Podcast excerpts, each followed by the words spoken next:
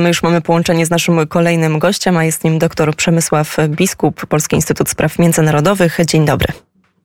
Dzień dobry. Bardzo dziękujemy za przyjęcie zaproszenia do programu i czas dla słuchaczy Radia Wnet i przenosimy się do e, Wielkiej Brytanii. Brytyjczycy oczywiście żegnają zmarłą królową Elżbietę II i zanim e, opowiemy trochę o, o tym, co wiadomo na temat przygotowań do ceremonii, do pogrzebu królowej, to może opowiedzmy kilka słów o tym, kim była Elżbieta II dla Wielkiej Brytanii, a także dla świata. W jaki, w jaki sposób zapisała stała się w ich pamięci? No cóż, e, królowa była przede wszystkim najdłużej e, panującą monarchą tak, w historii brytyjskiej, więc podobnie jak e, poprzedni, poprzednia dzierżycielka tego rekordu, królowa Wiktoria, no od właściwie jej imienia można nazwać całą bardzo dynamiczną epokę historyczną to to już jest taki trochę już właśnie mm, oklepany w polskich mediach przykład, że, prawda, że kiedy królowa Elżbieta obejmowała tron, to związ istniał Związek Sowiecki i rządził nim Stalin. E, i, i, i, ja lubię dodawać, że no, było jeszcze globalne imperium kolonialne brytyjskie, e, a Wielka Brytania była jedną z, jednym z najbardziej jednolitych e, etnicznie narodów w Europie. Teraz oczywiście to, to wszystko się niemalże dokładnie o 100, 180 stopni odwróciło. I y, trzeba też powiedzieć, że królowa była takim łącznikiem, y, być może ostatnim tak efektywnym, takim bezpośrednim między po pierwsze teraźniejszością Brytyjczyków a ich historią. Pamiętajmy, że to jest osoba urodzona w latach dwudziestych, y, która przeżyła, jako można powiedzieć, e, w, w późnym okresie młodzieńczym, wczesnej młodości II wojnę światową, zdążyła służyć e, e, w siłach zbrojnych i jako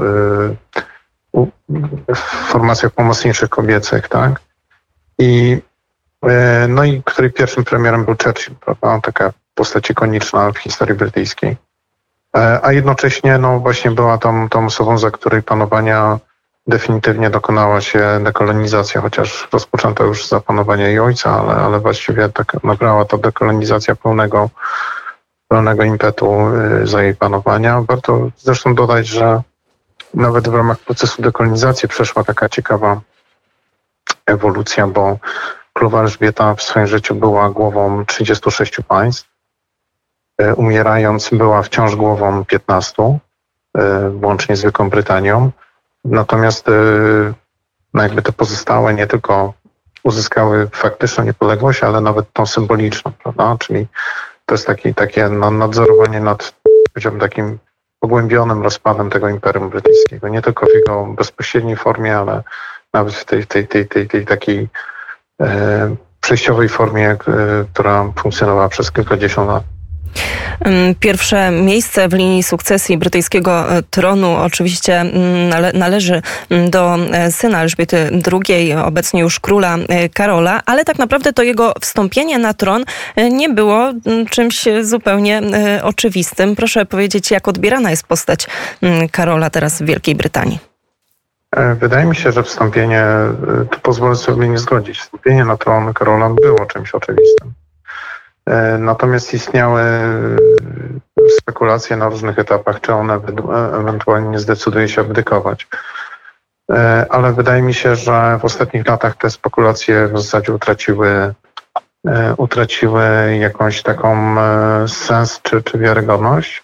W znacznej mierze dlatego, że wszystkie największe kontrowersje, tak, które dotyczyły księcia Karola, one w zasadzie skończyły się mniej, Powiedział, że mniej więcej raz śmiercią e, księżnej Diany, jego byłej małżonki.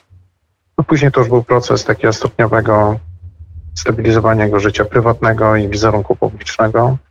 E, jego obecna małżonka, królowa Kamila jest, e, jest oni są razem w związku od 17 lat, tak? Także to, to nie jest świeża sprawa. No to można warto do, dodać, że jeżeli chodzi o sukcesję, to ciekawe zmiany, które się dokonały e, na początku drugiej dekady obecnego stulecia, one miały związek z kolejnym pokoleniem potomków królowej, czyli dzieci króla, a, a nawet bardziej konkretnie wnuków. Dlatego, że w 2013 roku uchwalono ustawę, która po pierwsze zniosła przybilowanie w porządku dziedziczenia kobiet i mężczyzn, ale to, to mm, te przepisy zostały wprowadzone z, z myślą o dzieciach y, księcia Williama i, i księcia Harego. A po drugie y, zniesiono zakaz, znaczy może inaczej, y, przepisy zmieniono w taki sposób, żeby następca tronu mógł również poślubić osobę wyznania katolickiego. To teraz e, jeszcze na zakończenie opowiedzmy może, jak wyglądają przygotowania do pogrzebu. No one są oczywiście wielostopniowe. Cała, całe uroczystości żałobne będą rozpisane na jeszcze ponad dwa tygodnie. Datę pogrzebu wyznaczono na 19 września, to będzie poniedziałek. Żałoba oficjalna skończy się 8 dni po tej Oficjalna żałoba narodowa skończy się 8, 8 po dacie pogrzebu. W tej chwili możemy obserwować e, wystawienie ciała e, na widok publiczny w celu złożenia ostatnich hołdów e, w katedrze świętego Idziego w Edynburgu. I ciało następnie zostanie przewiezione do Londynu i ponownie wystawione na widok publiczny w Westminster Hall. To jest to jest 14, gałęzi średniowieczna, powiedzmy XIV-wieczna część e, e, Pałacu Westminsterskiego, e, w którym mieści się siedziba parlamentu. Sam pałac w obecnym kształcie pochodzi z XIX wieku. I no musimy zdać sobie sprawę, że to angażuje ogromne rzesze ludzi. Kondukt, który przewoził ciało królowej z siedziby jej rodziny, prywatnej siedziby w Balmoral do Edynburga w zasadzie był obstawiony na całej trasie przejazdu przez, e, przez e, publiczność. E, są ogromne kolejki, które się ustawiały już od wczoraj do właśnie katedry, żeby złożyć te, te ostatnie hołdy. I, I podobnie już się ten proces zaczął w Londynie. Warto przypomnieć, że na przykład już, już koczują ludzie, czekając nam na możliwość e, właśnie e, wzdłuż Mall, prawda? To jest ta ulica prowadząca do, taka szeroka aleja prowadząca do, do Pałacu Buckingham. Tam, tam już jest mnóstwo osób koczujących, czekających na możliwość właśnie złożenia ostatnich hołdów królowej.